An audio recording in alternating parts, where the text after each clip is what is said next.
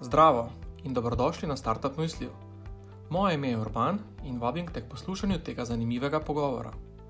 Startup Mysli so podjetniški pogovori s prepoznavnimi imeni domače in tuje startup scene, namenjeni deljenju in izmenjavi izkušenj, pridobivanju novih znanj ter širjenju mreže povezav. Na tovarni podjemo jih že od leta 2012 organiziramo v okviru programa Startup Maribor. Pa začnimo. Z nami je Jurek Nehtl uh, iz Viskel agencije, um, butične agencije, uh, ki se ukvarja, kot uh, ste verjetno že ugotovili iz našega marketinga, z, v bistvu z digitalnim marketingom, izrastjo in pospeševanjem podjetij, uh, ki, katerih digitalni kanali so ta glavni, preko katerih prodajate. Um, veliko je preseškov uh, v Juretovi, sicer re, relativno kratki karieri, um, več, več bo povedal sam. Uh, en izmed uh, bolj impresivnih, ki smo jih izbrali tudi za naslov, pa je, uh, da je med drugim dosegel uh, dnevno prodajo uh, 28 tisoč uh, prodanih produktov na dan, um, kar je kar, uh, mislim, meni še vedno fascinantno. Uh, zdaj, kako uh, doseči takšne številke, uh, kaj v resnici sploh počne, uh, s kom, uh, kdo so ali pa kdo ste, morda potencijalne uh, uh, stranke ali pa v bistvu partnerji, s katerimi počne, bo pa povedal Ju, uh, Jure. Uh, Jure uh, na mizi je mikrofon, uh, ki je prižgan. Se sliši? Uh, yes, Alinec. kako smo? Dobro, evo, hodo, hodo. Uh, me ful veseli, da ste si odželi čas, pa da ste prišli danes sem. Uh, jaz sem sedel v Mariboru, še nisem predaval, tako da it's the first time, tako da ful dobro. Je, hodo. Uh, danes v bistvu, kako bo tole naše druženje izgledalo. Uh, jaz imam eno prezentacijo, imam na začetku pripravljeno, tako da mogoče malo razširimo pogled iz tega vidika, um, kaj jaz delam, kaj v bistvu se zdaj tudi na trgu e-commerce dogaja, uh, da se malo o tem pogovorimo. Večino tega našega druženja je pa predvsem namenjeno temu, da bomo imeli QA. Se pravi, neki bo urbando vprašanj, uh, čim več bi si pa tudi želel od vas jih dobiti, um, zato ker itak sem. Lahko malo predvidevam, kaj vas zanima, ampak na koncu pač, uh, je najbolj, da delamo čim bolj na praktičnih primerih, pa na praktičnih vprašanjih. In uh, da mogoče malo začnemo, najprej da se spoznamo, najprej začnemo itak pri vas. Uh, kdo od vas se že ukvarja z digitalnim marketingom? Ok, full dobro, hodo, upam, da bo še kdo potem, po tem, da je mogoče še kakšen drive uh, za naprej. Um, kdo od vas pa ima e-commerce podjetje, pa prodaja v večjih državah, se pravi, da ne dela samo v Sloveniji ali pa mogoče ne v Avstriji, ampak da dela na večjih marketih. Ok, kul, cool, super. Um, pol pa še mogoče eno tako provokativno vprašanje, kdo od vas bi pa rad zvedel potem več, kako dejansko narediti tisto infrastrukturo, okolje, ki spletnim trgovinam pomaga dejansko prijeti na več milijonski revenju na letni ravni. Ok, unke ne dvigne roko, gre lahko ven. Uh, ne, upam, no, da bomo danes pa čez tole druženje, pač, da boste dobili nekaj uh, zanimivih informacij iz, te, iz tega vidika. Uh, jaz preseb ne bom neki full dolg časa se ustavljal, uh, mogoče eni me že poznate, eni ne. Zdaj trenutno z digitalnim marketingom se ukvarjam 8 let pa pol. Uh, začel sem kot čisto junior, kot študent, uh, bilo je leta 2014. Ja, 2014. Uh, in jaz, ko sem začel, sem drugače mislil, da te oglasi, ki so na Facebooku prostrani, da so to virusi. To krli je bilo še. Uh, tako da takrat sem v bistvu pač šel dejansko delati eno prakso um, v marketinško agencijo. Um, moj prvi job je bil najprej, da se javljam na telefon, če kdo kliče, pa da kličem potencijalne stranke in jim prodam oglaševalske storitve. Uh, takrat noben ni vedel, kaj še je to sploh in je bilo. 95, pa, ja, 95 posto je bilo zavrnitev, zato ker so mislili, da jim pač mačka v žaklu prodajaš, ne, da je pač to nekaj dobrega. In je bilo prvih par dni kar bolečih uh, za me, ker nisem bil takrat navajen uh, na zavrnitve in sem mislil, da bo ful dobro, priješ iz faksa, vse nadobuden in najprej dobiš 100 šamarjev, ki te zavrnejo, pač vsi. Uh, po pa je se kar naenkrat začel delati v glase. In takrat sem jaz prodal svoj prvi izdelek in meni je bilo tako ful fascinantno, no hudo. Se pravi, jaz lahko le iz Ljubljane naredim glas in kupen vem, iz Slovenije prek spleta. In meni je bilo takrat ful fascinantno, zato ker si lahko dejansko zbral, komu se prikaže, lahko si meril in takrat je bil ta ful dobra veza med marketingom in pa podjetništvom, ki sem jaz iskal v svoji karieri. Uh, tako da um, učil sem se itak ja, prek YouTube videov, kursov, brezplačno prakso, a se sem kar povzel. Pa pa sem v bistvu ja, v tem prvem podjetju, ki sem delal, sem iz prakse se pol še podaljšal in sem delal potem še pol leta v tem in pa sem jaz rekel, ok, zdaj imam pa jaz dva jurja na šparan, zdaj grem pa jaz na svoje. Ne. Takrat sem jaz delal to ful velik. Uh, bilo je pa glih toliko v bistvu, da sem za prve cca pol leta imel takrat za prispevke, za SP, ki so bili še polovični noter, tako da rekel sem, ok, pol leta bom probil, uh, če ne bo šlo, bom šel nazaj na faks magisterij delati. In zaenkrat, če nisem šel na magisterij, tako da so v farsu good. Um, aha, ok. Um, zdaj trenutno, uh, danes, če se, če se pospemo naprej, um, v tem času sem imel tri svoje podjetja, zdaj trenutno je Whiscale. Uh, a Whiscale poznate? Okay, moramo Maribor targetirati, ni še dosto Ernesta. Um, ja, zdaj, trenutno nas je v člani, nas je CCA 30, uh, v tem mi se v bistvu pač dejansko specializiramo, da pomagamo spletnim trgovinam rastati. Um, običajno pač onboardamo podjetja dosk malo, se pravi, ki delajo vem, 5, 10, 20 ur na mesec.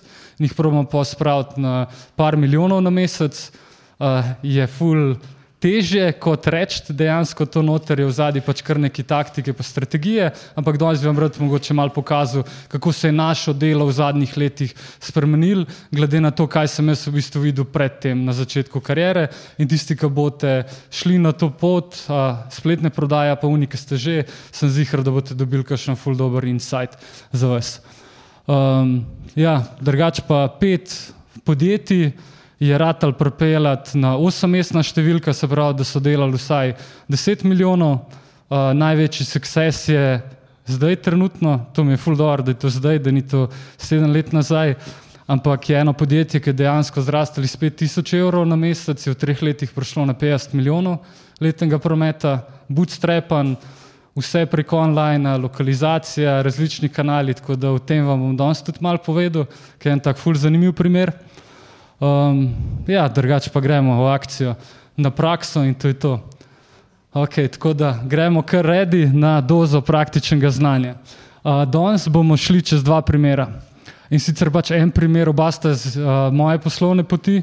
Um, en primer je dejansko, kako je v, med letom 2016 in 2019, um, kako se je v bistvu zrastel iz nič na 40 milijonov letne prodaje. Um, ta drug primer, ki je pa zdaj relevanten bolj za to in je tudi drugačno infrastrukturo oziroma marketinške taktike bilo treba uporabljati, je pa zdaj od leta 2020 pa do 2022, ker tisti, ki ste zdaj leti v marketingu zadnje dve, tri leta, lahko vidite, da je ful vsako leto, da je nekaj novega dejansko prihaja. Tako da bomo malo več o tem tudi rekli.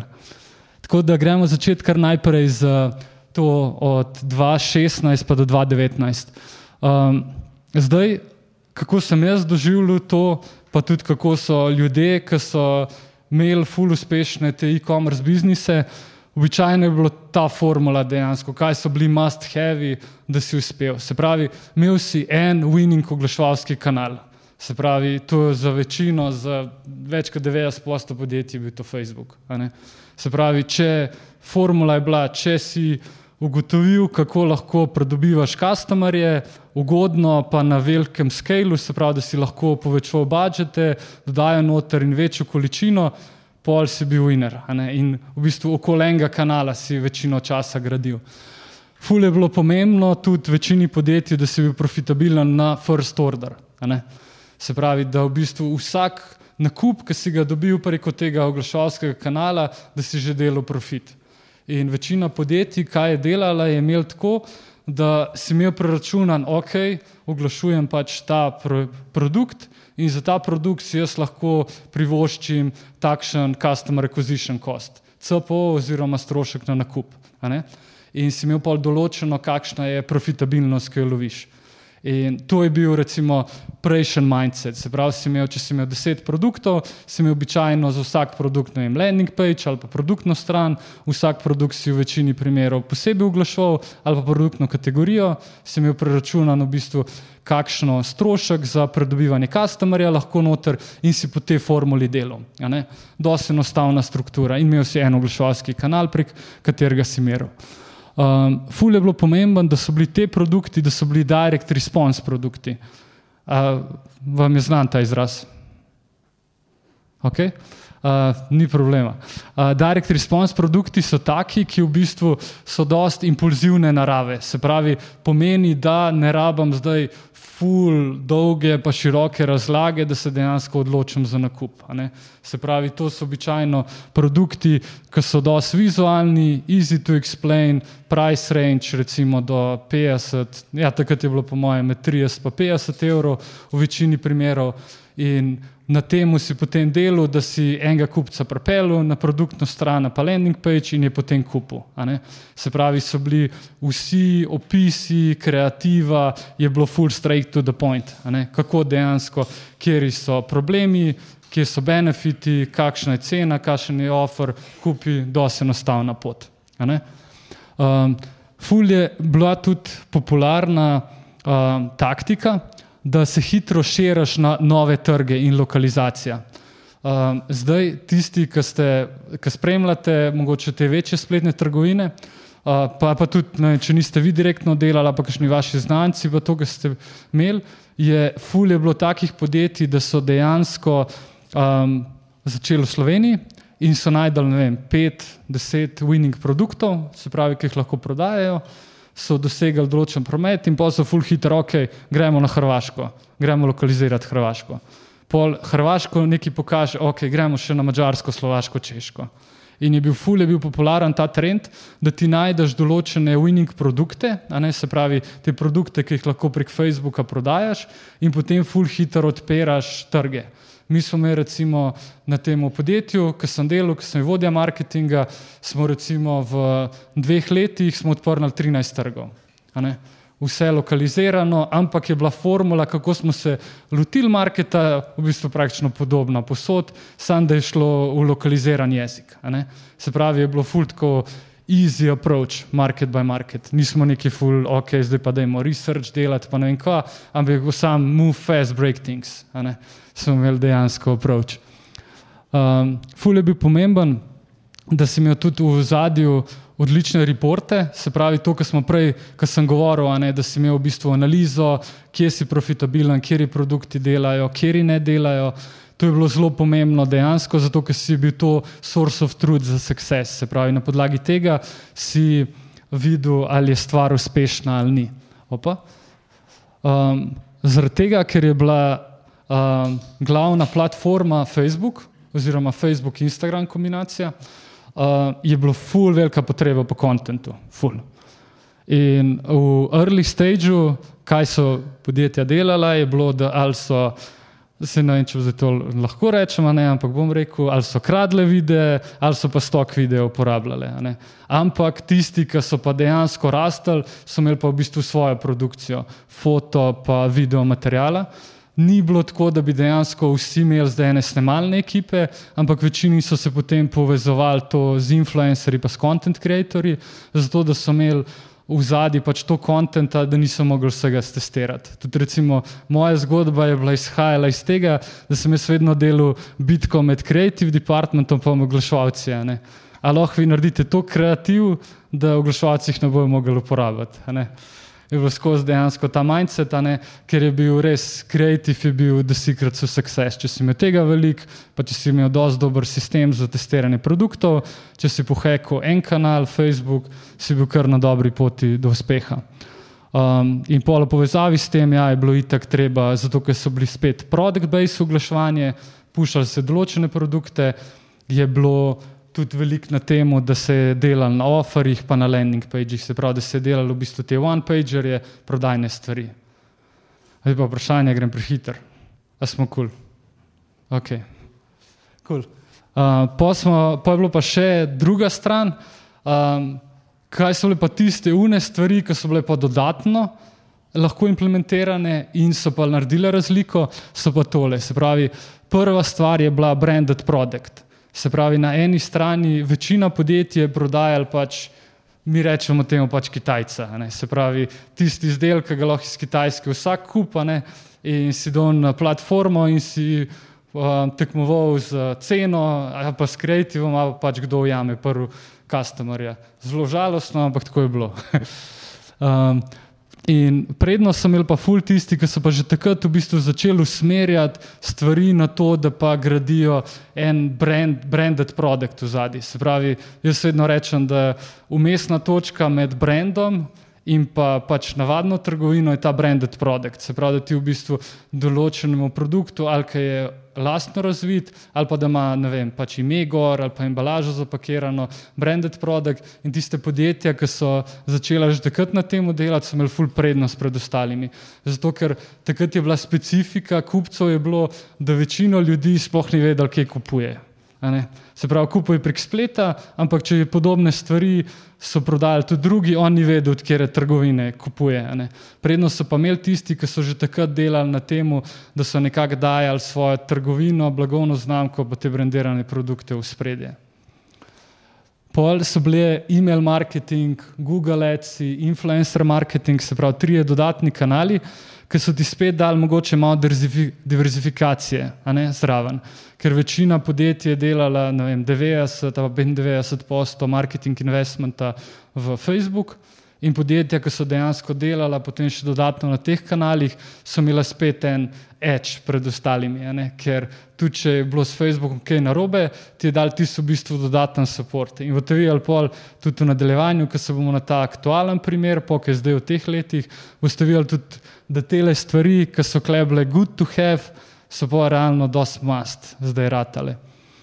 Um, Malo ste tudi govorili o tem, kako je bil pomemben tudi kontent. Veliko ljudi se je dejansko povezalo z kontent creatorji. Tukaj vam lahko dam tudi praktičen tip, tisti, ki delate na spletnih trgovinah oziroma pač kjerkoli, kjer se uporablja um, online oglaševanje. Ful je pomemben, da vi se zbildate pač bazo kreatorjev. Mi smo recimo na prejšnji fermi, ki smo delali to, Mi smo imeli marketing investment, ko pač začeli smo čisto iz nule, 20 evrov na dan, pol na koncu smo dejansko marketing metal med investirali, ne metal, med milijon pa pol pa dva milijona na mesec in mi smo imeli res noro potrebo po kontentu, noro.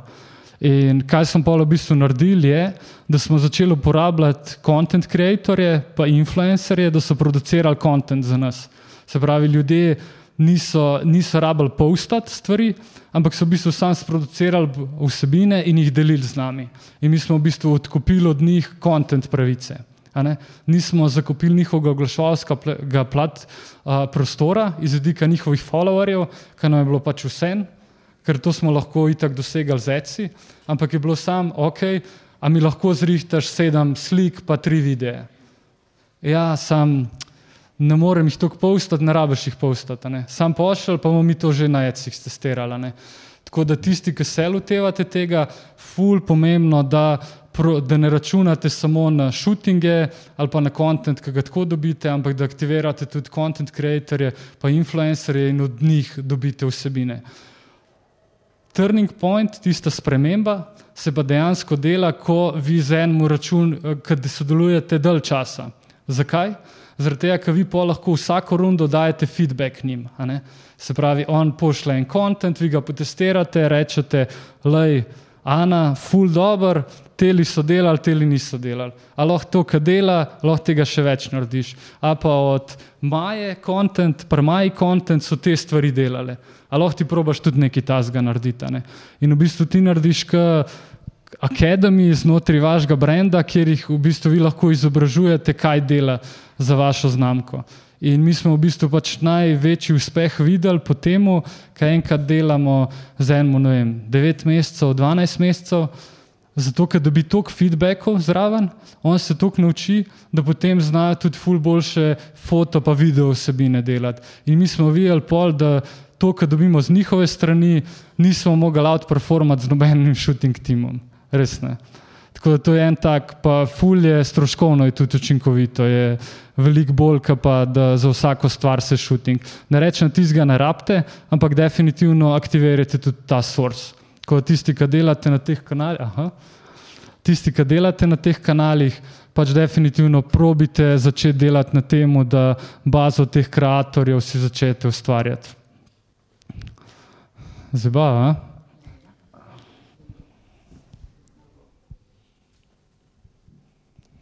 Kakšno vprašanje, mogoče vmes? A me kul, cool, so far. Okay.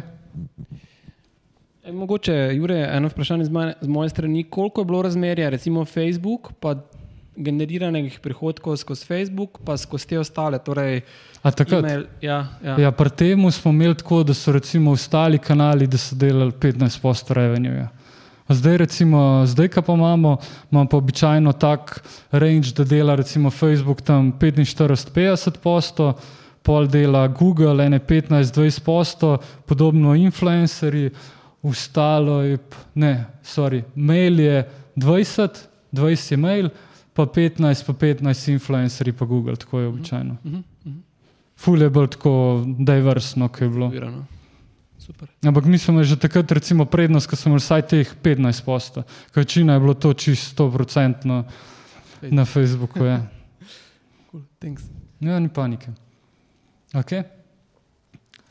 A, tako da, ja, prednosti so bili pa pol tudi sistem za A-B testing, da se full različnih landing pageov testirali.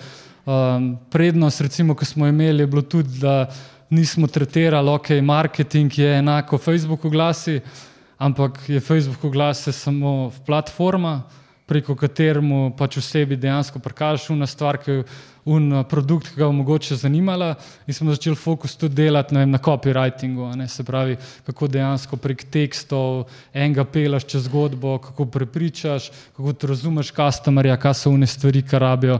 In je bil tudi to recimo pač en bonus, neki tazga, ki je mogoče danes uno itak, ampak takrat dejansko to ni bilo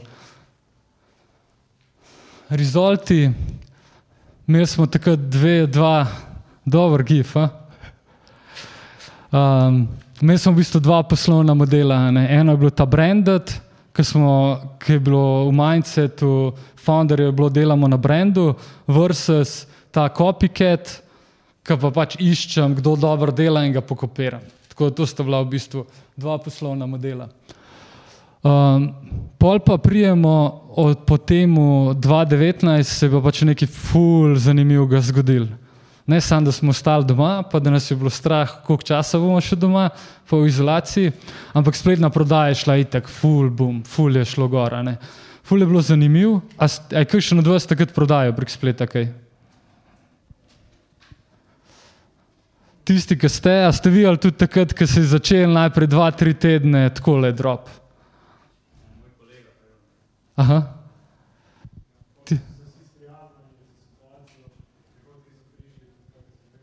Ja. Ja. Najprej je bilo pa čisto, da to se ne da več prodajati.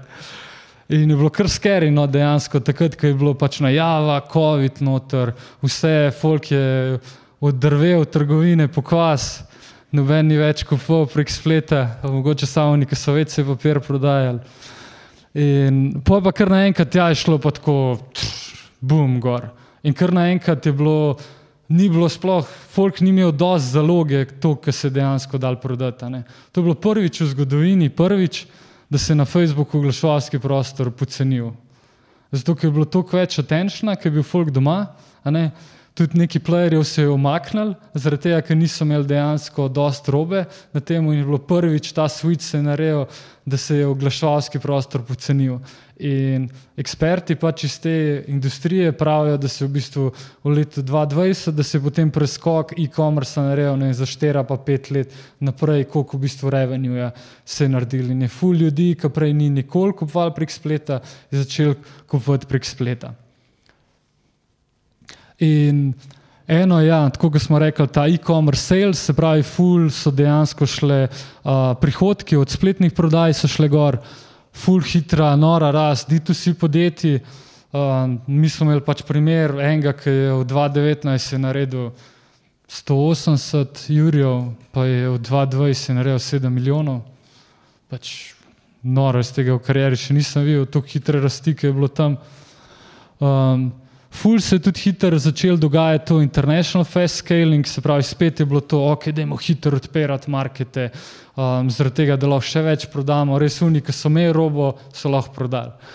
Um, Pol pa druga stvar, ki se je pa naredila, so bili tudi ti logistični izzivi, a ne kar naenkrat tisti, mogoče, ki ste naročili robo, um, ne vem, mogoče Slovenija, ampak ne vem, kakšna Azija, um, je bilo kar naenkrat se ni da robe dobiti. Pol je bilo, ali boš plačal ful več za robo, pa je boš dobil, pol naročiš robo, pa je ok, kako zdaj to prepeljati. Mi smo recimo pač enega naročnika, ki je zakupil celo letalo in je dal 400 jurjev za cel letal, da bi dejansko prišel v Slovenijo. In ta roba je bila mišljena, da bo za cel Q4. In pa so ga isti dan klicali, hej, um, Samsung je zakupil 20 letal, sorry, in ni dobro robe. Tako da ja, je bilo kar te logistični izzivi, so bili kar. Prvič sem rekel, ja, pocenitev oglaševalskega prostora in tudi ful je bilo to hitro zaposlovanje in tudi ustvarjali so se s tem v 2020, zato je bilo res tako eksplozivno leto, so tudi uh, mal nerealna, pričak, iskreno, ker sem s full founderji sem govoril o delu, tudi v mastermindu, ker sem noter, ljudje so imeli full nerealna pričakovanja, ne sem mislil, ok, iz 19 na 20 smo zrasli za 300%, iz 20 na 21 bomo pa za 400, ne, ja, ne boš, ne.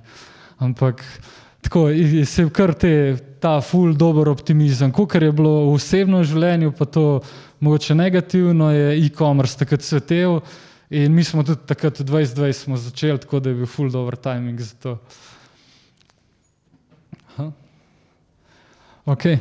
Um, tako da jaz bi tudi rekel, še mogoče tako, da bi povzel, bi od 2016 do 2020, 20 bi rekel, da je sales bil bolj pomemben kot marketing.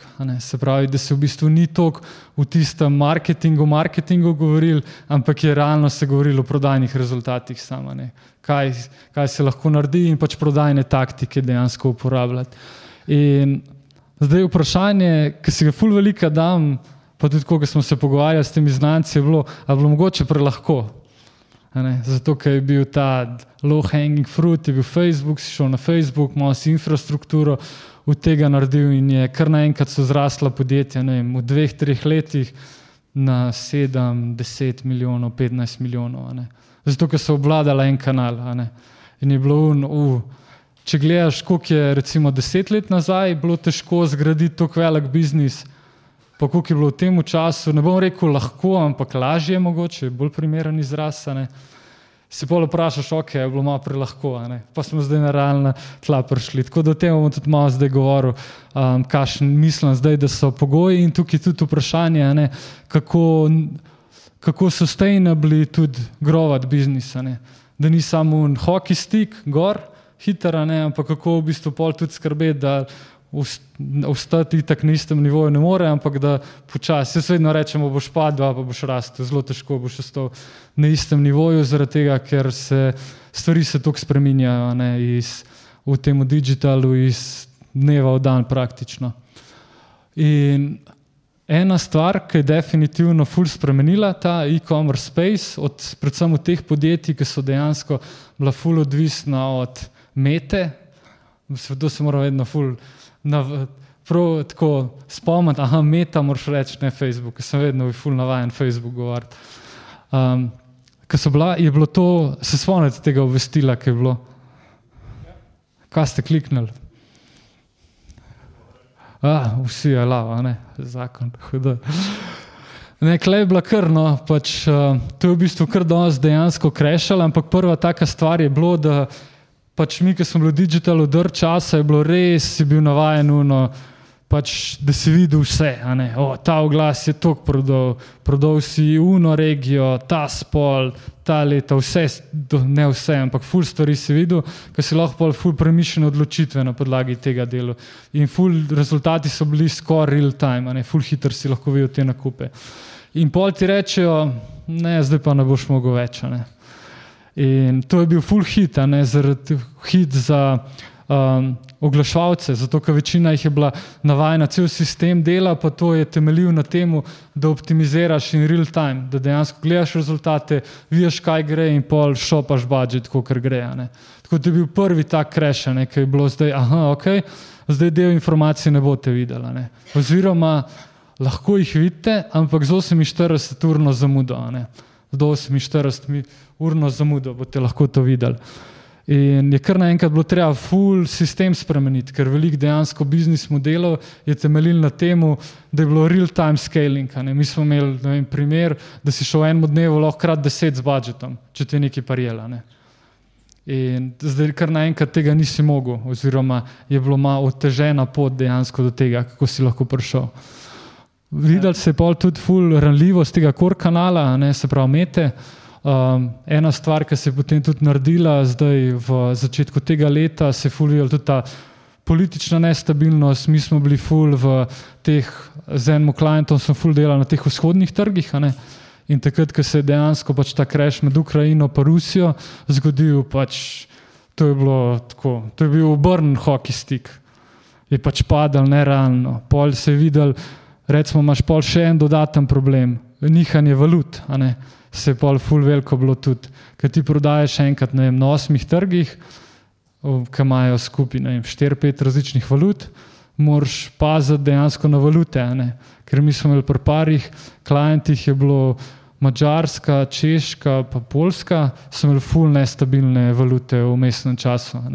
In si v bistvu delal, po določenih targetih, ki si imel, si mislil, da je ful dobro šopa, v resnici pa s tisto valuto si delal minus. Zato, ker si kupoval robo po oglaševalski prostor v evrih, prodajal si pa recimo v čeških kronah.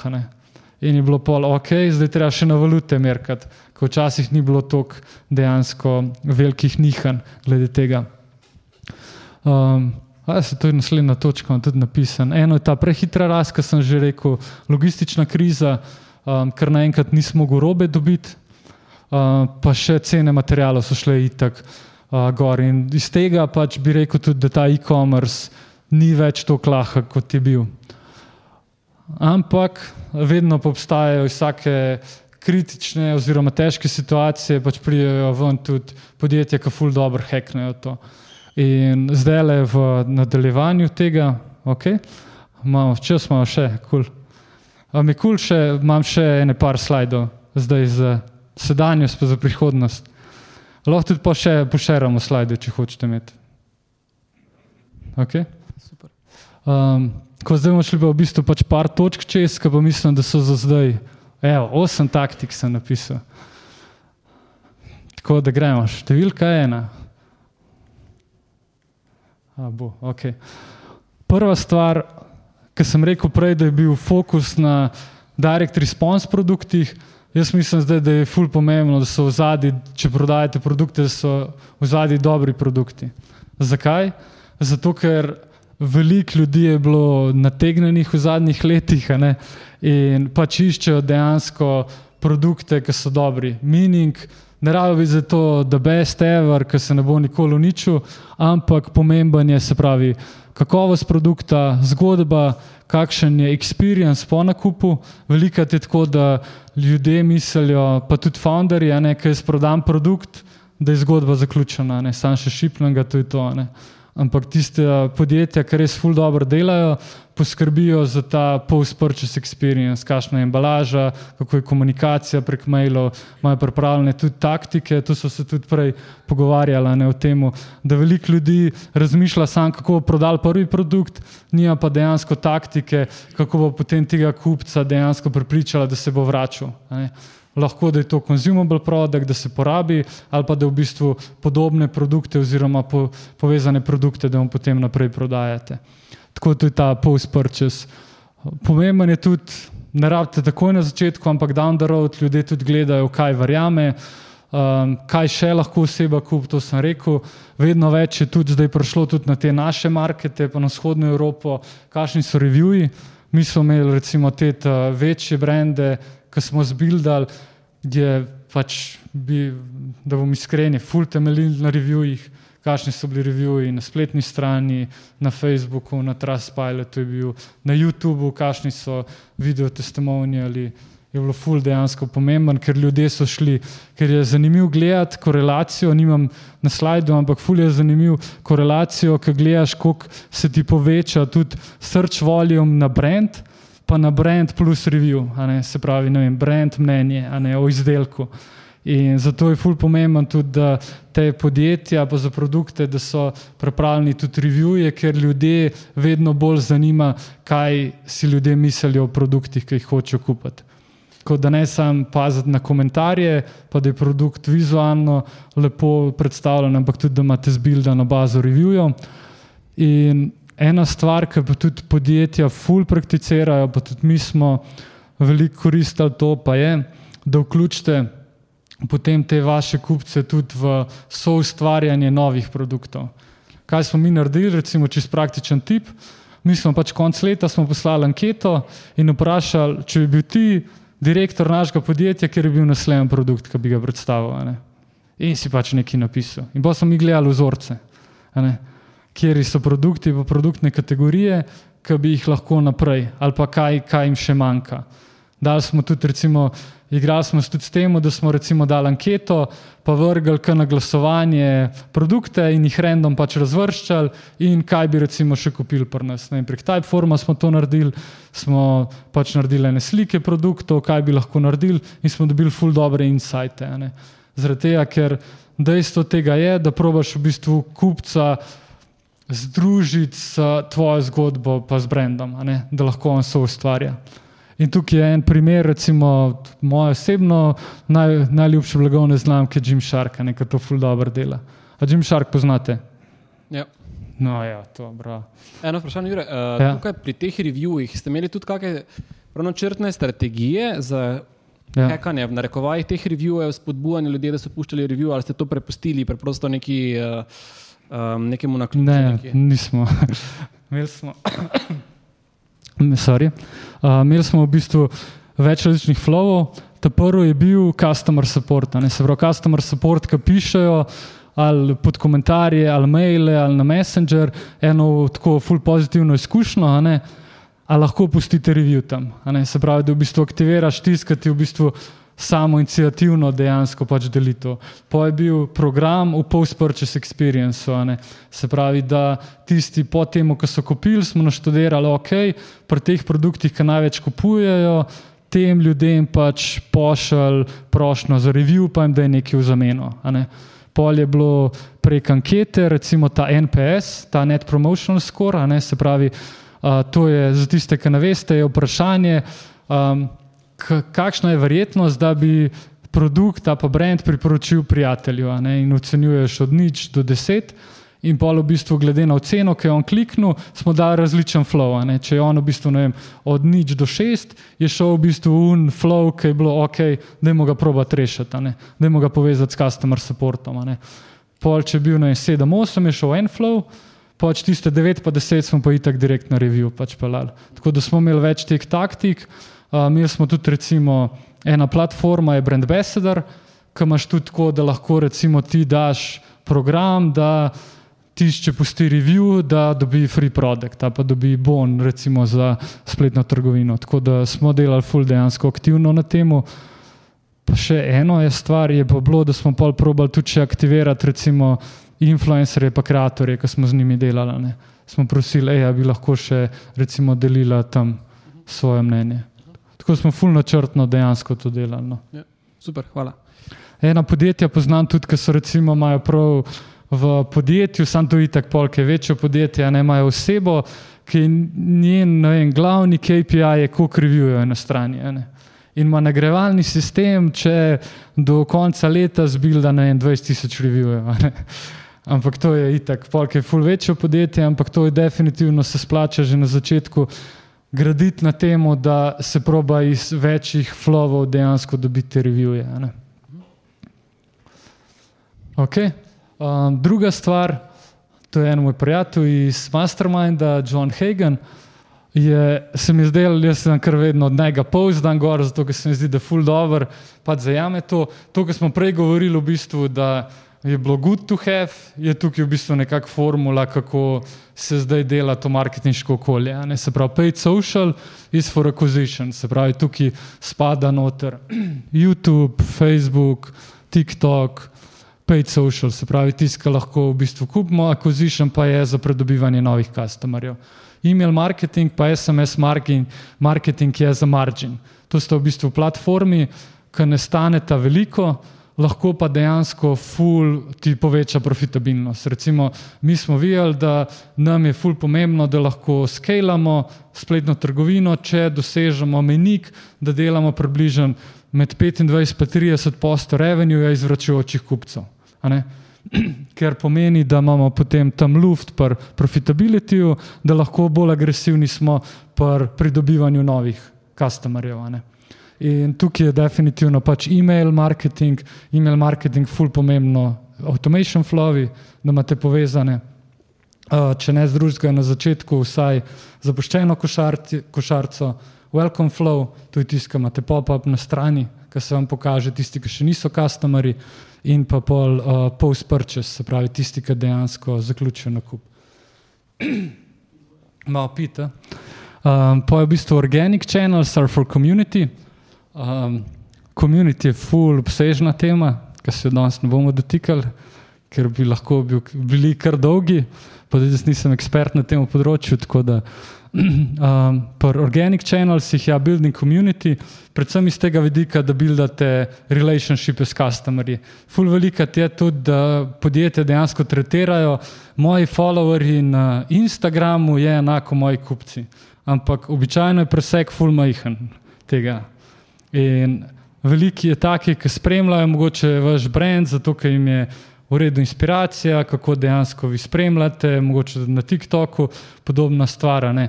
Ampak uh, dobro je, da začnete graditi v tem smislu. Mi smo videli, naprimer, da Facebook skupine so nam bile ful močne. Recimo, če smo imeli ciljno skupino med vem, 30 in 45 let, so nam ful dobro, recimo, Facebook grupe delale. Ne? ampak ne iz tega vidika, da je to brand skupina, ampak v bistvu, da je passion skupina. Ne? Se pravi, ne da bi bilo zdaj. Um, recimo Jim Shark ima to, ima, oni imajo recimo community ne? v tem vidiku in tam se folk pogovarja, kako trenira. Ne govorijo samo to, da zdaj smo dali to ven, zdaj imamo to akcijo, zdaj to. Ampak tam greš v bistvu pač povezovati ljudi, ki imajo en skupen interes. Polje influencer, affiliate, public relations customers and people grow the brand. Tukaj ne vem, če je treba kaj še dodatno povedati, se mi zdi, da je kar streng ton. Pa pa je on napisal, it's that simple, sem. Ni to enostavno, ampak ok. Uh, polje, naslednja stvar, ful pomemben je ta prodajni lijak.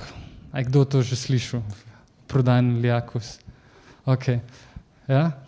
Um, mi, recimo, kar mi delamo interno, imamo tako, da v bistvu delamo običajno v six stageu, se pravi, da delamo v bistvu šestih stopenj lijaka. Um, eno je čisto iz tega vidika, da delamo creative testing, da ugotavljamo, ker je kreative delajo, ker je audienci, pol je v bistvu ta prospecting, top of the funnel, da pridobivaš nove customerje. Se pravi, tukaj greš na različne interese, luka, like, na doseg, probaš ugotoviti, kje so tisti potencijalni kupci naslednji stage je dejansko re-engagement. Uh, re-engagement je tisti, ki so dejansko engagirali z vašim Facebook pageom, Instagram pageom, ki so gledali vaše videe. Se pravi, to je tisto, kar se dogaja na oglaševalski platformi, ne pridejo pa še na vašo spletno stran. Zakaj sem tukaj tudi napisal, put a lot of focus here? Zato, ker to je dejansko audience, na katero iOS spremembe niso vplivali zato ker je še na njihovi platformi dejansko se obdržal. Se pravi, to je tisti, ki gledajo video, vi audience, vi dobite realno številko, koliko so veliki audience. In tukaj smo mi videli, da pri brandih se največja razlika lahko dela. Ker ljudje še vsem že vejo nekaj o vaših produktih, pa blagovni znamki, in jih je recimo lažje konvertirati kot tisti, ki nič ne vejo pa pa naprej so tisti, ki so na spletni strani, ki so zapustili košarico, pa retention, to so pa tisti, ki so že kupili. Tako da tukaj, zdaj v današnjem svetu je ful pomembno, se skozi ta lijak gradi, kako bo tega nagovarjali, s kakšnimi kreativami, kaj boste pelali, pol, s katerimi produkti boste napadali pač ta audience. lahko se pol pri QA-ju tudi ustavimo, še kaj bolj praktično. Ena stvar, ki je pol še fulj zanimiva, ki je zdaj trend, jaz temu rečem brand performance, ko v bistvu združuje branding pa performance. Um, se pravi, prišli smo iz tega stagea, da ne delamo samo performance, ali samo branding, ampak praviš delati nekaj vmes, kar pomeni, da to dobro zgleda, da hočeš imeti, da še vse ni zdaj samo, ok, sam da si zapomne, noter, ampak da praviš vse en desire dejansko takoj narediti v tem. Tako da predvsem female brandi si grejo full v to smer, če boste gledali kakšne international playerje, klej sem dal recimo pač Stronger, ki prodajajo te različne sportwear, pa Dime, ki prodajajo kozmetike. Tako da v bistvu pač kleje, da se srečata te dve veji med sabo. In to je zdaj full trend in tudi mi pri teh dveh projektih, ki smo imeli največje, je bilo dejansko, to je bil the key to success. Smo se premikali v to smer. Community sem že nekaj povedal, klej bom sam še naštel, recimo par stvari. Eno so social media kanali, ko sem pač govoril prej o njih, drugi je te Facebook grupe, um, tretjo, kar se dela, zdaj določeni brendi delajo tudi live evente, um, zdaj bo spet, so spet bolj popularni, klele, slaba točka je, ker je local based, se pravi, zdaj, če ste vi v osmih marketih, bi mogli teoretično v osmih marketih narediti. Tega najverjetneje ne boste delali, ampak lahko delate vem, na kakšnem domačem marketu, ampak tudi to je down the road. Videli pa smo recimo tudi full veliko korelacijo med uspešnimi projekti temu, da velika ti bil zadnji founder. Se pravi, da se v bistvu nekdo iz ekipe, najverjetneje founder, pač pokazal spredje. Se pravi, da ena oseba stoji za brandom. To je še predvsem pomembno, če se gre v kakšno nišo, ki je dosti konkurenčna. Je ljudem pomembno, da dejansko vidijo, pač, kdo je zadaj. In primer tega tukaj je recimo v fashionu, ki je nerealno konkurenčna niša, nekaj full playerjev na marketu. Recimo pač pri Jean Sharku je Ben Francis sedel v spredje in se on pojavlja kot founder. Ni zdaj, da bi on prodajal agresivno izdelke, ampak, je, ne, ampak v bistvu dokumentira journey, kako je on to začel. In smo veliko tvijali, da je pri teh manjših brendih je fur velika tudi dober, da v ozadje, da se kaže founderja. Zdaj vem, da vsi founderji tega nočijo, to čisto razumem da dejansko so oni face of the brand, ampak tisti, ki pa so, je pa velika to full dobro needle mover, no? da dejansko tudi vzbudijo zaupanje in velikrat se tudi pokaže kot lahko kot dober prodajni kanal, ne samo kot credibility.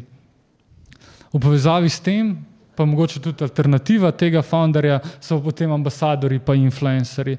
Tukaj tudi vemo, da tisti, ki ste mogoče malo influencer marketing svetu, to je niša, ki gre gor, tudi cene grejo full hitro gor.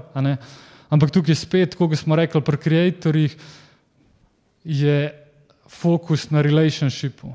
Se pravi, ker ti dejansko delaš za en model časa, vedno bolj ti bo običajno potem performo, ker razume tudi stvar noter in tudi pač njegov audience, ko večkrat vidi, potem tudi lažje rezonira s tem. Mi smo to recimo moč videli pri tem, ko smo bildali to bazo. Um, bazo ambasadorjev in smo potem recimo launchali nove produkte. Je to bilo full uspešno, zato smo videli, da okay, pri tem sem živel to in smo najprej novosti vedno dali tem ambasadorjem, da so oni promotali in pa smo mi promotali ambasadorje, da so oni bili v bistvu the first touch point na novih produktih. Okay. Um, še ena stvar, ne bomo dolgo se ustala tukaj, ampak nekaj za razmislek. Um, Jaz mislim, da oglaševalec v podjetju ni več zadolžen samo za oglaševalsko platformo, se pravi, da marketer je tisti, ki najbolje obvlada ads manager, ampak je nekdo, ki je lahko tudi biznis sogovornik in sledi biznis metrikam. Zakaj? Um, pač ful se spremenja, vse algoritmi se spremenjajo, formati v glasu se ful spremenjajo in vedno več imajo founderji potrebo po temu, da imajo biznis sogovornika. Se pravi, founderjev je vse en, če mu vi razlagate, hej, CPC-ji so nam šli gor za 10%, CPM je dol za 8%, pa to, je ne mu vse.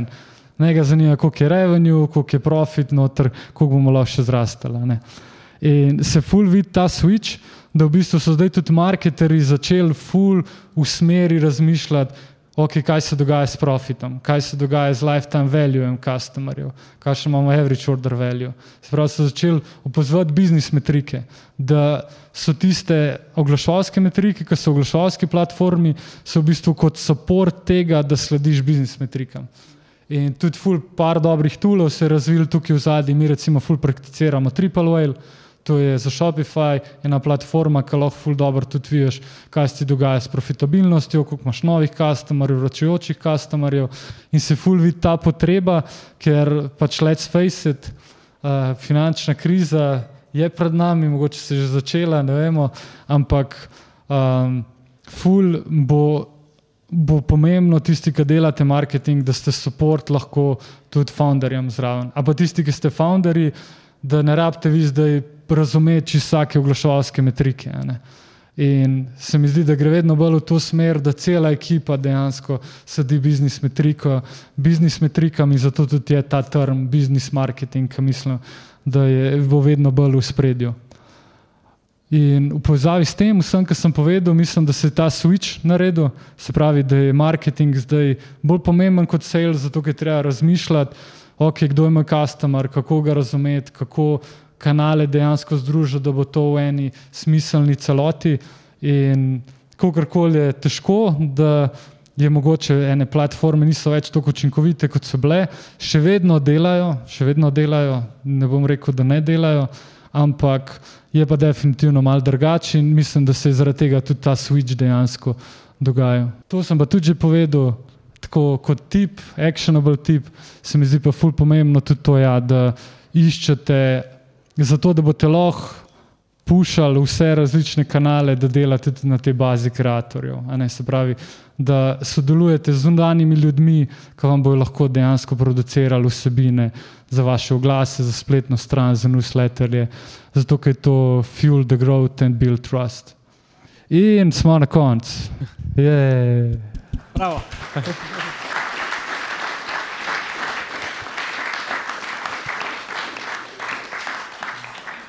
Odlično, Jure, zaslužiš si en uh, požirek uh, vode. Um, evo, zdaj ste na vrsti um, vi in vaše vprašanja.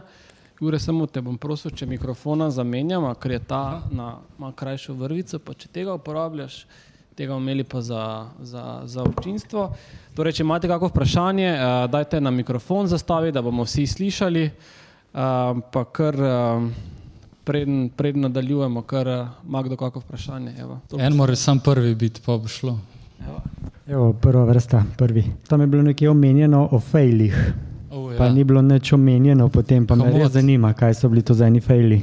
Oh, ful, ful je bilo enih pro, projektov. Tako pač marketing je, tudi kad delaš na kreative, pa to, to 5-10% stvari prime. In isto je pri projektih. Pač Jaz sem full enih projektov, jaz sem po mojem delu, meni 70-80 različnih projektov, tako v karieri. Zato, da jih je bilo, tako da sem recimo pet, je bilo tisti, ki je šlo čez 10 milijonov.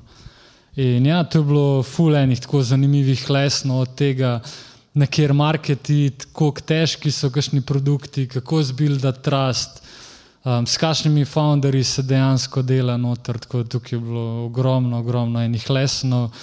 Če mogoče te kaj specifično zanima, ne vem, za kakšen. Evo, lahko ti povem, recimo smo delali z eno slovensko podjetje in smo imeli US market. In oni so šli najprej na Kickstarter, ne? in oni pač, ja, grete, a delate Kickstarter, itak, ali da delamo Kickstarter, pa nismo še delali Kickstarter. Ja. Ampak tako bilo je, ok, gremo provat Kickstarter delati. In mi začnemo, uno, hodo zakon, da je pixel na stran. Ja, na Kickstarter ne moreš dati piksele. Okay. Uh, se pravi, mi ne moramo trekati, kaj dela, pa kaj ne dela, pa ne moramo optimizirati na prodajo. Ne. Okay. Imamo problema. Ne. In kaj je bilo, pa smo takrat v bistvu, ne, oni so imeli full visok budžet, so imeli pripravljeno ne, za to. Um, Ker so se združili pač ene par tako večjih playerjev, pa so rekli, da gremo v Lin. Mi skurmo, po mojem, 20-30 ur budžeta ful neprofitabilno, res ful. In pa so takrat pristopili eni američani, ki so pa imeli v bistvu ekskluzivno zrihtan tracking, ne? da so pa lahko dal pixel, imeli so tudi vso dejto v zadnji in so lahko targetirali. Pač ne samo so merili rezultate, ampak lahko so tudi targetirali na Kickstarterju ostale bekarje. Itak, ni šans, da proti temu tekmuješ, so imeli vem, sedemkrat boljše rezultate, kot mi je. In ok, po nas to odperformajo, v redu. Gremo po Indiegogo, oni grejo še delajo in pol, ja, mi bi še vsem z vami radi delali smo pa reaktivirali sodelovanje. In kaj bilo pa pol? Pol so pa produkt, ki so oni dostavili, ne, je bil pač šiti, pač ni bil dober produkt. Ne. In so pol jih napadali z reviewji, s PR-ji, ki si po Googlu, je bilo 15 zadetkov, je bilo negativnih. Pač. In mi, ki smo to pržgali, pač nismo mogli nič prodati. Recimo. In takrat smo mi investirali, po moje, iz naše strani resursov, po moje, zdaj ne 50 jurjev, vse skupaj. Dobili smo po mojem glih 2-3 jurje, tako da je bil recimo en, to je bil en fail, recimo, ki smo ga imeli. Še kaki, um, mogoče, ko smo ravno pri tem um, ameriškem trgu, ne? še kakšna taka lekcija, ker se mi zdi ameriški trg je kar za nekaj podjetij, kar tak neka pomembna menik, recimo, pa neki sanski teritorij, pač en jezik, ena država, pač eni pogoji približno. Ne? Koliko v resnici je težko Ameriko, vsega, pa koliko si ti z tvojimi primeri, uh, s tvojimi podjetji dobro skužil Ameriko, pa kaj tam funkcionira, pa kaj ne. Škoda, mi smo imeli vedno imeli challenge na US-u s time zonom. Zato, ker takrat, ko ti nehaš, se začne tam.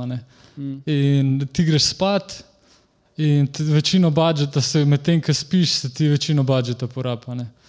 In ti ne moreš, recimo, kontrolirati. In pol, ti tudi, recimo, ekipo, če daš ti v Sloveniji, No, evo, zdaj bomo pa delali od 8, pa do, od 8 zvečer, pa do 4 zjutraj. Ne. ne boš prav veliko imel prostovoljcev, a ne, ki se ti bojo javili.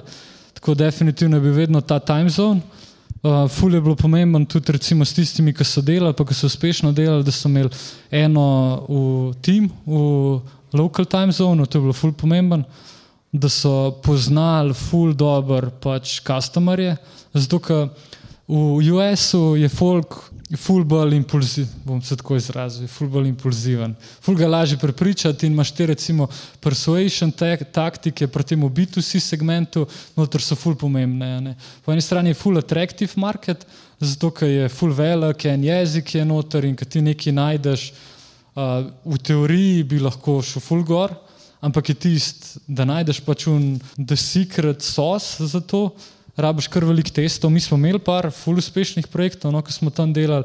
Je bil pa time zone, je bil ful, ful je bilo logistično, je bilo treba ful paziti noter. Pa vice, recimo, da je tudi okolje, marketinško okolje, da je že bolj napredno iz tega vidika, da moraš imeti ful boljše kreative, naprimer, ne moraš imeti narejen. Tako to so recimo tisti main learningi, ki so bili zame. Pa slabost tega je tudi, ker tam je pa recimo v V evropskih državah je pri večini marketov ta pokritost iOS-a tako ne vem, 20-30 postov. Tam na določenih segmentih je 80 postov. Customerjev je bilo prek iOS-a. Takrat, ko so ti tracking omaknili, si imel kar probleme. No, si lahko to rešil, malo s temi tuli, ki tudi naredijo, ampak ti se spet, ti strošek lahko par, par jurjev na mesec, ne, da lahko implementiraš. Ampak definitivno jaz tako mislim, da ljudje, ki marketing, da mora biti isto v time zonu. Ker veš, če greš ti res ne baži, da to zadnji pa to noter, ne moreš ti ne vem, spati, pa se zjutraj zbuditi, pa upam, da sem 20 ur v redu porabil. Ena so slovenska, ena so pa tudi tuja, naprimer, ne vem, zdaj s tem, kar zdaj recimo delamo, uvidke prodaje so z mačarske, Mobile Fox, recimo, ful zanimivo, Founder 21 star. Se ti zdi, da podjetja, torej, ki so v Sloveniji ali pa na Mačarskem, da imajo zaradi tega mogoče slabše uh, neko predispozicijo pri kupcih? Imáš kakšne izkušnje z tega, recimo, da če je podjetje slovensko, marsikdo recimo iz vem, Amerike, Evrope, ne bi želel kupiti nekega izdelka ravno zato, ker je podjetje v Sloveniji? Um. Je to definitivno full dobro point, um, da imajo kakšni pomislek zaradi podjetja. Ampak po drugi strani se mi pa zdi, da je tudi full velika, kogarkoli se sliši, ampak je prednost, da smo na marketu, ki smo. Zakaj? Zaradi tega, ker klesi forsam pač, da greš v tujino. Ni tako velike, recimo, je tudi full prednost, naprimer nemška podjetja, fulje nemških podjetij, ki delajo 30-50 milijonov samo v Nemčiji. Nor, v enem marketu to lahko. Tudi ta podjetja, recimo, ki se prodajajo, imajo full dobro valuation. Ampak z njimi, ki se pogovarjaš, oni sploh ne razmišljajo, da bi šli na druge markete. Medtem, ko tukaj, ki začneš, ne, je v noki, le v Sloveniji bom začel, da se naučim, pa grem hitro v tujino. Večina tako razmišlja. Ne. Zato, ker klemaš, let's face it, dva milijona folka je, vem, če greš na meta, ece jih je milijon, cca, če targetiraš, ne vem, ok, moške, jih še pol ti odpade, jih je pol milijona, od tega jih, ne vem, 20 posto kupuje prek spleta aktivno, pa še malo zožaš tam noci na 70 jurjo potencijalnih kupcev. Dosmo. In ima, je full dober testing ground, zato ker lahko hiter z manjšimi budžeti tisto kritično maso folka, veš, um, ujameš, ampak pol si že forsan tudi, da greš hiter pač v tujino. Tako da full dober point, velikrat je tudi to izziv pri tem podjetju, recimo, da je, da je um, ok, slovensko podjetje ne bo mogel kupiti, ampak iskreno, pri nas ni bila to tako vel, velikrat overa če je bilo dobro lokalizirano, lokalen customer support, lokalni reviewji, če je page tisti glavni checkmarki od države, če so bile, ni bilo velikat, no, da bi rekel, aha, zdaj pa jaz ne bom kupil od vas, ki je. Ker ste slovenci, ampak po drugi strani, pa tako, kot sem rekel, je pa tudi full dobro, ker recimo primer, to je tudi Litva, ne, je tudi približen po sajzu in tam tam. In smo se tudi, jaz jih imam mastermind, jih imam par. In tam full hitro ljudje dejansko začnejo razmišljati, okay, ali da že začnejo v tujini, ali pa ok, klej sem sam naučil, pa grem pa v tujino. In mi smo imeli tudi recimo s temi ta večjimi, ki so zrastali klienti, full hitter je bilo tako, da štartamo Slovenijo z nizkim budžetom, to ne vem, Jurija, dva Jurija, tri Jurija na mesec tukaj, da najdemo, kaj dela, pravimo tukaj grovat, se naučimo, kaj treba narediti na Facebooku, kaj na Googlu, kaj na mailu, kaj z influencerji in pol ta model pravimo replicirati na naslednjem marketu. Jaz bi pa v bistvu vprašal ti dobri primeri, uh, dobre prakse, uspehov. Um, se vedno pogovarjamo o fast consuming produktih do 50 evrov, hitro se stranka odloči. Uh, Koliko je tu noter v teh zgodbah nekih produktov dražjih? Ehm, Kaj pa je, kje imaš ti ta bank? Jaz bi zdaj rekel, če je 50 tam meja, bi jaz rekel nad 200, ampak ne vem, ja. v Ameriki je lahko to tudi mali, ma, uh, poceni produkt za ja, nekoga. Ja, uh, nimam tega občutka, ravno zaradi tega to ja, ja vprašanje. Ja, ja. Mogoč... ja, ni panike.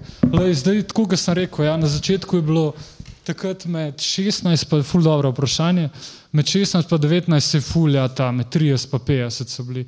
Zdaj bi jaz rekel, da večina teh, ki dobro dela, so realno v Evropi tako med 50 in 100 zdaj.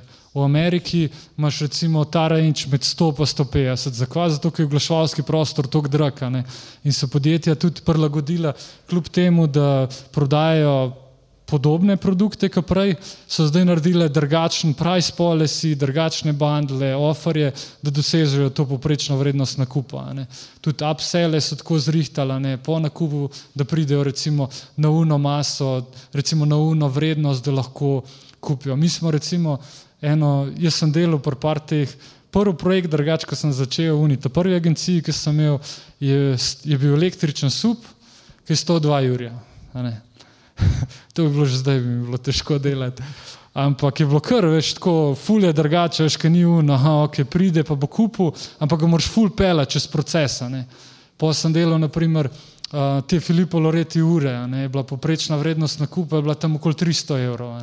Je bilo tudi ful, ok, na, na top of the funnelu mu je treba kazati to, to, to, po za social proof mu treba to kazati noter, rabam zunani PR, kakšne članke v zuni noter, zato da lahko in ful zanimivo je bilo, da nam po recimo za zapuščeno košarco je najbolj delo linkanje na en PR članek, sploh ne na spletno stran. Ne. In je ful na tem razumevanju, mi smo si velikrat smo si pomagali s customer intervjuji, po shodžari, hodžar recimo ta exit intent pop-up, Pa smo vem, zapuščeni košarci tudi dajali vprašanja na customer supportu, feedbacke, pa testiranje. Tako da, ja, dražji, kaj je produkt, bolj se itak ti to zakomplicirano. Ampak ja, je, jaz bi rekel, da se je zdaj že ta meja, da se je dvignila. Um, je pa tudi recimo iz uh, Facebooka, ko so prišli letos informacije, je bilo tako, da so tudi te spet te cenejši, cenejši produkti, te recimo ne zdaj, če to v rangeu med 50 in 80, da se letos spet fulo porasto. Tako da ja, definitivno dražji, kaj je. Smo pa delali recimo tudi te EK waterblocks, če poznaš. Te smo tudi recimo delali ne, in je bilo spet, tam je bilo tudi, tam še gamerje, ne, zraven, tam ti še, oni so še bolj skeptični, pa rabijo social proof. Ne. Tako da ja, vsaka taka stvar, niša ali pa cena ti je pol malo fan ali ti zakomplicira, ampak je pa vse rešljivo. No. Kaj bi rekel, fizičnih izdelkih, zelo me zanima, kakšne so vaše izkušnje z digitalnimi? Ja, to je fulo porasto. Infoprodukti pa api so fulo porasto. Ja. Mi delamo sami e-commerce, recimo. Zdaj, let, zdaj se. Um, zdaj se lotevamo dejansko teh, ki imajo velike takih, a veš, ki ima fizičen produkt, pa, pa še infoprodukt v zadnje. Tako da zdaj recimo imamo to kombinacijo, drugače pa imam full teh znancev, ki delajo ali infoprodukte, ali lepe noter, pa full lepo delajo. No. Je spet malo drugačen segment, tudi iOS, recimo sploh na appih je full drugačen vpliv, je pa tam recimo, veš, če na, ne, na fizičnih produktih loviš return on investment, zmišljujem si tri, a ne pri infoproduktih je lahko ful nižje, zato ker pač ni recimo fizičnega produkta. Imaš tudi cash flow hitrejši. Recimo en prijatelj moj je vodja marketinga v Kiloheltu. Kilohelt je po mojem največji player v Litvi, oni delajo čez 100 milijonov na leto in oni delajo več kot 90% z infoprodukti, US. Kaj pa je to uh, Kilohealth, kaj počnejo? Kilohealth, oni so v bistvu začeli z infoprodukt, z uh, fasting, pa z keto diet so delali in pa so v bistvu delali vedno analizo, kaj so one trending stvari in so okoli tega delali po infoprodukte. Tako da oni imajo v bistvu ken holding, veš, in pa glede na trende, oni pa razvijajo v bistvu projekta. Ne, imajo, ne vem, Mislim, ima 35-40 projektov. Ful imajo dobro še infrastrukturo, kako narediti hiter produkt na marketing sajtu, na IT sajtu, da lahko ful hiter spravijo ven. Pa marža je milijonkrat večja kot na fizičnih produktih. Ja, škoda, tam recimo večina teh za infoprodukte lovi, ne vem, ROAS, če ni recimo v Ameriki še z radavko, pa to lovi, ne vem, ena, ena, pa ena, dva, ne. No. Ja, sam moram imeti kar naštudirane. No. Recimo, tako da ti mogoče dam en insight, če te to zanima, pri infoproduktih je ful bolj pomemben funneling. Iz vidika spletne strani, recimo, veliko za infoprodukte uporabljajo Kitajce kot je ClickFunnels, a pa te VSL, video sales letter, a pa advertori ali taki full dolgi članki. Zato, ker pri infoproduktih je običajno, moraš ti full trust buildati, ali da si full kredibilen, ali pa full it na pain dejansko. Recimo vsi ti, ki so za fasting, pa to noter, ne, čisto solution. Ne. In ga moraš ti pelati čez funnel, kako on lahko kako boš ti njemu pač spremenil nekaj. Ne? E, kaj pa, kar se tiče mogoče samega, ko, smo, ko si se dotaknil malo aplikacije, ne? kaj pa ta neki App Store marketing in to je čisto neka veja zase uh, ali tudi Dost, to, uh, v bistvu ste, ste kaj prakticirali, imate kakšna klienta iz tega? Ne, jaz nisem tega delal. Um, tako da nisem mogoče čisto prava oseba, no, da dejansko to in so pa informacije, ja, da tudi je pač investment, tako oglaševalski investment, da gre full gor no, v tej regiji za EPE. Ko smo se pogovarjali s Sezeno, no, na Facebooku dela, pa je fu rekla, da je to res tako full emerging niš. Je pa na koncu, tako jaz vedno gledam, da pač ne moreš biti uh, ekspert za vse, ne, dejansko nekaj, da se specializiraš in recimo moj, moj ta passion je e-commerce, ne meni e-commerce mi je ful zanimivo. Uh mhm. -huh. Zato mogoče tudi ne, za infoprodukte pa za epe nimam mogoče toliko informacij. No. Uh, ure, ja, ure to so te Filipa Loreti, ampak to ni bilo zdaj. Recimo ta rekord, ki je bil podrt, to je bilo zdaj letos. To je bilo mesec pa pol nazaj. Niso na en dan to naredili, to je bil letni promet. Se pravi, vprašanje je čist predikcija v prihodnosti. Ja, ful dobro.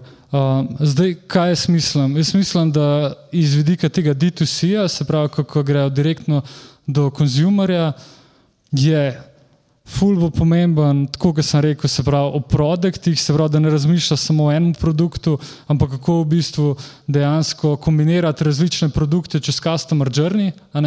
Ker pač definitivno moraš se zavedati, da je vedno več playerjev, ki je na marketu, vedno manjša lojalnost. Če ti gledaš na koncu pač podjetje, ki lahko največ si prvoči za to, da pridobi customerja, zmaga. kako boš prišel do tega, ali boš dobil full visok investment, pa boš pač spendil na polno, ali pa boš dejansko imel full dobro ful dobro okolje za to, da boš imel flow teh returning customerjev ali na subscriptionu ali da jih upsellaš na različnih pač produktnih kategorijah.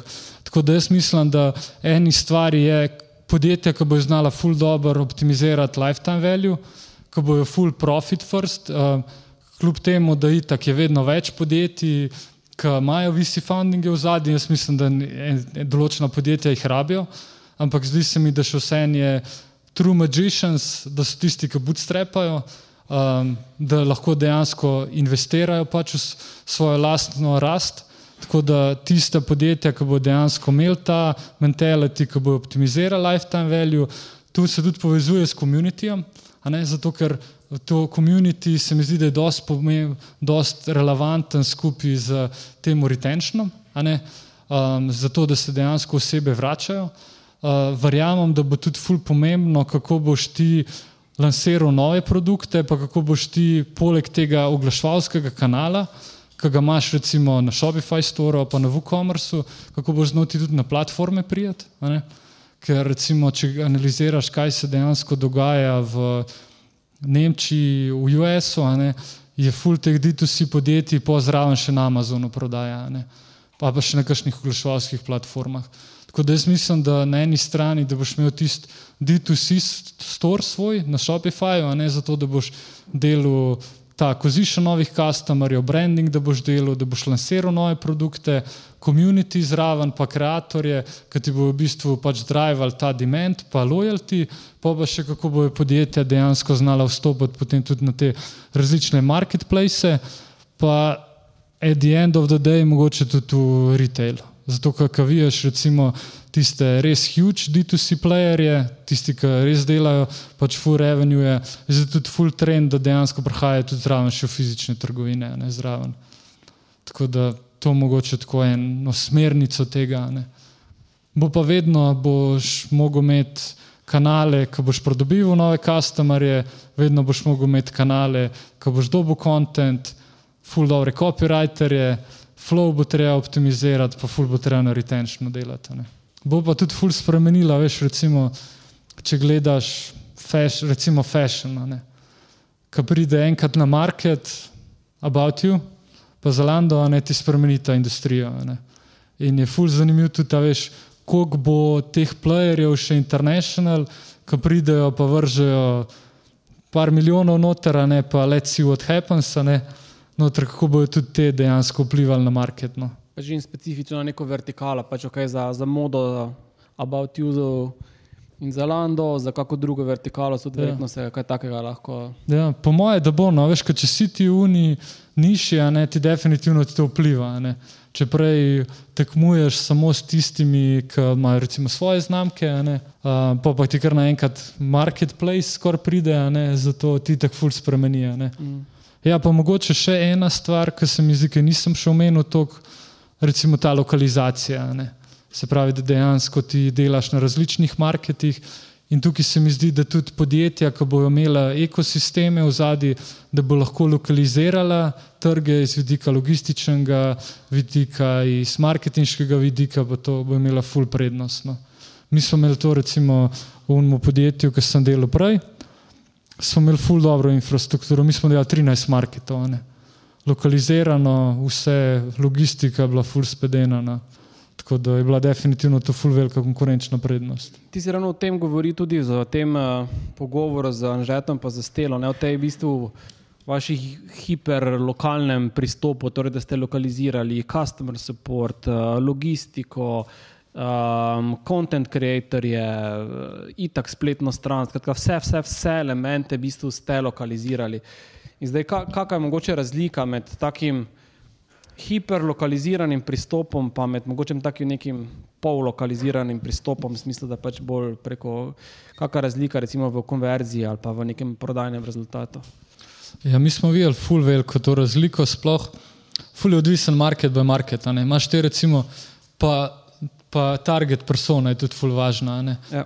pa niša. Recimo, če si ti v enem fashion segmentu, ki je ful recimo, da je full Instagramable brand ne, in so full ljudje dejansko kupujejo zaradi slik in ne rabijo neki full razlage, ne, tam lahko imaš en hibriden sistem.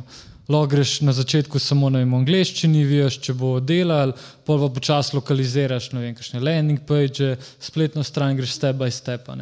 Določene stvari, ki so pa full bolj recimo konkurenčne, ali pa da nimaš tistega unik USP-ja na marketu, je pa kdaj treba full hitreje dejansko lokalizacijo iti. Tako da mi, recimo, kako mi zdaj delamo, je običajno, da najprej vedno štartamo pač domač market od tistega podjetja, zato ker je najlažji tu krek, običajno, ne razen če imajo pač kakšne drugačne interese. Pogremo pa običajno tako delati, da iščemo podoben trg.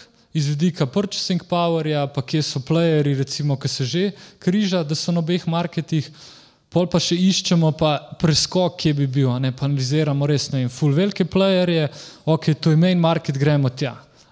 Zato, da probaš zdaj razumeti, a greš ti iskat, um, greš ti napadati pač un market, ki je full močen, pa vzeti tam manjši tržni delež, a probaš ti recimo iti na en market, ki je similar, pa mogoče v njih full ta velikih playerjev sploh še ni zraven. Mm. In pol na podlagi tega probamo ugotoviti. Tako da, vem, če bi ti rekel, štiri leta nazaj smo imeli običajno tako approach, da smo targetirali vem, celo Evropo, smo videli pač, kje Facebook lahko dobi dobre rezultate in smo pa tisto lokalizirali. Uh mhm. -huh. Zdaj recimo letos, pa lani nam je to čisto padalo vodo. Smo ok, probali to, pa smo lokalizirali, smo čisto kiksnili države.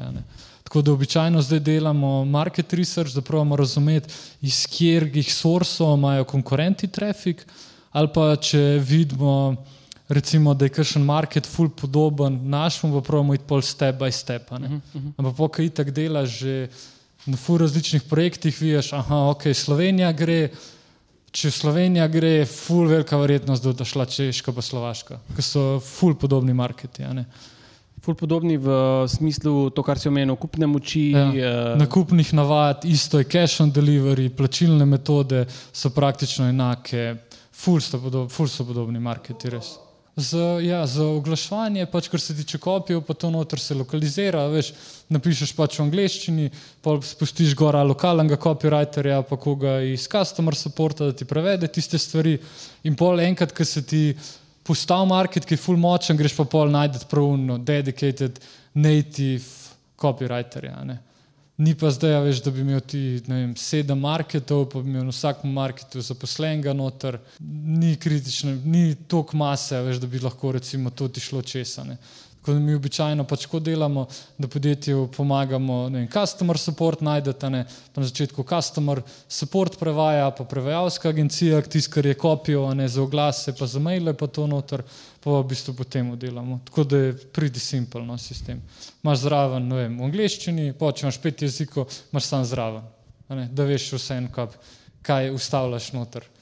To je bilo, recimo, enkrat sem za Japonsko sem nekaj delal in, in tam pisali, je bilo un, lej, karkoli zdaj le klej piše, jaz bom dolgora. Ej, uh, Jure, to v bistvu delate um, v, bistvu v, v vaši agenciji tudi v bistvu s podjetji, ki so čisto na začetku, ne tudi vsi ti primeri, ne od nič do ne, 40, od nič do 100. Ja, večinoma delamo tako. Kakšna podjetja iščete, kakšne imate v bistvu kriterije, kak je ta v bistvu zdaj čisto. Ta lijak, v bistvu, da nekdo uh, sodeluje um, z, z vašo agencijo. Mm. Mi, mi gremo fully v to, veš, v first stage gremo tako, da smo nekako en outsourcen marketing department. Ker veliko pač manjše podjetje, ki pridejo, ne, nimajo zdaj dedicated ekipe na marketingu. Ali pa imajo nekoga v podjetju, ki dela določene stvari. Tako da pol iščemo, okay, kako se lahko mi integriramo skupaj, veš, da dejansko ustvarjamo zgodbo. Tako da delali smo od tistega, ki je bilo, ok, prijemo hvam, pa štartamo čez dva meseca iz nule, mi rabimo research, določite markete, vse, landing page postaviti. To smo delali, večinoma zdaj s tistimi, ki pa partner apamo, pa običajno iščemo tako, da imajo že en traction na marketu, se pravi, da, da so že dokazali, da se produkte da prodajati, ne da delajo vem, 10 ur, 20 ur. Niso to zdaj neobičajno gromozanske cifre, ampak samo to, da vidimo, ok, pač trg rabi ta produkt, če rečemo, mogoče malo tako enostavnem jeziku, pa pa iščemo, kje, smo, kje so low hanging fruit. In pol gledam, ok, a so že kakšni playeri na marketu podobni, ki so full veliki, um, kakšen je plan za introduciranje novih produktov, kakšni so možnosti za vračajoče kupce, kdo je founder, običajno je founder več, bolj pomemben kot produkt, se pravi, kako razmišlja, koliko je delaven, koliko je poslušen, itek to malo prek, ki se pogovarja z nekom, ne? najbolj pa itek poviješ, ko začneš delati. Takrat, ko gre deset stvari na robe, takrat vidiš, kakšen je človek, ali se zdaj zna obrniti, ali se ne zna, ali je to en, ki bi sam, vidite, jaz bom do odnar, pa zrihtite. Noter. Pač mi hočemo delati z enim, ki bo pač gradil skupaj z nami. Tako da običajno ja, iščemo nekoga, ki ima že en uh, mal proven traction, da je že pokazal nekaj, da mi verjamemo, da te kanali tudi, ki delamo, da lahko pomagamo. Veliko je tudi tako, veš, da zgleda vse super.